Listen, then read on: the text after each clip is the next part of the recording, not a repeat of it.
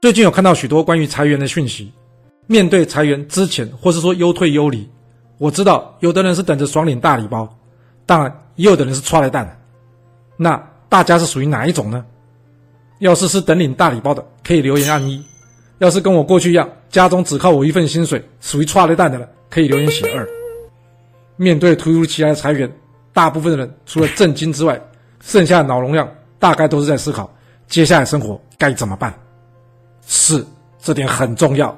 不过，大家有没有想过，还有一件更重要的事，那就是公司有合法理由赶我们走吗？面对这种事，难道我们只能被动的接受公司的决定？公司爱给我们多少钱打发我们走就给我们多少钱？还是我们能有机会自己主动帮自己争取到一点时间或是离职金呢？有在注意裁员相关咨询朋友，应该就会知道，通常许多公司，尤其是大公司或是外商公司。他是不会用之前的方式来处理裁员这件事的。大家只要仔细去看这类新闻，就会知道，几乎没有一家公司是符合劳基法定义的之前，也就是以前我在人事工作时常常听到大家说的，大公司搞优退，小公司搞逼退。那大家有没有想过，既然劳基法都已经设定了这之前的规定，为什么公司在经营不善或者进行工作调整，又或是面对员工表现不好的时候，公司不是直接依法开除之前？而是去搞什么优退或者说逼退呢？公司会提供优退或是优离的条件，真的是因为出于照顾员工佛心来的吗？嗯，应该也有这种老板。不过我的经验告诉我，公司会这么做的真正原因是因为可以省钱省麻烦。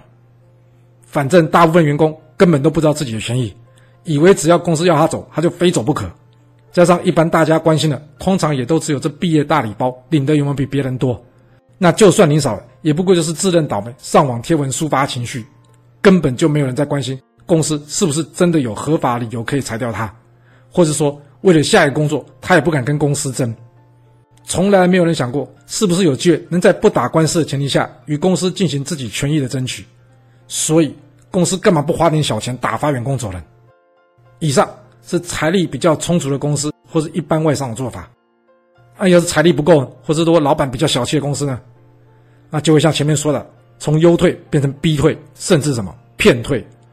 只要逼退或是骗退成功，公司是不用付任何一毛资遣费的。那这样省更多。反正公司就是吃定员工，这员工还要继续找工作，不敢告公司。听到这，你千万别误会啊！我没打算要告诉大家如何去告公司，因为这是律师的工作。我要告诉大家的是，面对这种事，我们不是只能任人鱼肉。就像我之前协助我在外商公司工作的朋友处理这个事情的过程一样，在我建议之下，他不但不用去告公司，最后呢，双方在和解收场的前提下，他还多拿了好几个月资遣费。那他是怎么做到呢？当然就是要先了解协商第一步，那就是什么？掌握资讯以及对方的需求。大家只要反过来想就会知道，要是我们是公司老板，我们想要省钱，那最省钱的方法应该就是直接赶员工走人。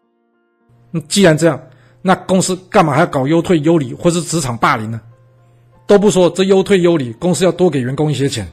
就算公司打算霸凌员工，逼他走人，难道公司不用花时间花精神吗？员工在逼退之前的薪水，难道公司可以不给吗？是不是？反过来想，就会容易明白。明白什么？那就是公司到底在忌讳或是担心什么？我在这里可以直接告诉各位，其实。公司担心或是忌讳的事，那就是非法裁员。每个老板都很清楚，要是公司一旦被认定为非法裁员，这损失啊，可以让他痛到在地上打滚。不过，要是员工们不了解劳基法规范，也不清楚公司有哪些裁员的手段以及过程，甚至从没想过要如何帮自己争取权益，那公司不割这种员工韭菜，他要割谁韭菜啊？这也就是为什么，只要大家有上过 YouTube 去看看人家分享被裁员的经验，你就会发现，公司裁员时。几乎无一例外都是采用突袭员工的方式。要是大家事先没有做好准备，通常就是在震惊错了之后，然后带着悔恨、怨怼或是伤心的结果离开公司。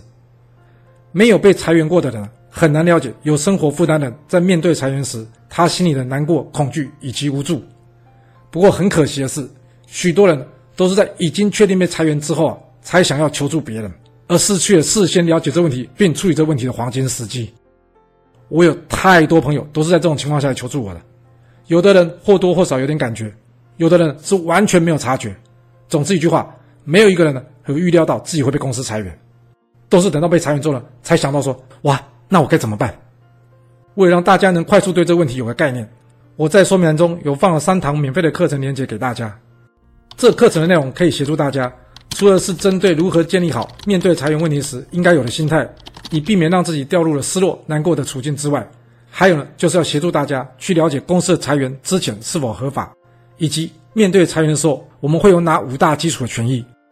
当然，要是你对这问题有进一步的兴趣，也可以去听听看其他进阶的课程，或是留言告诉我你想要知道的部分。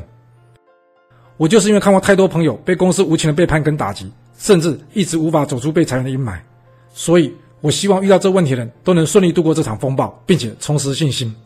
当然，更希望的是这些资讯大家一辈子都用不到。相关免费课程链接已经放在说明栏中。若你觉得这视频对你的朋友或是家人可能也会有帮助，那也欢迎你将这个视频分享给其他的人。谢谢大家，我们下次再见。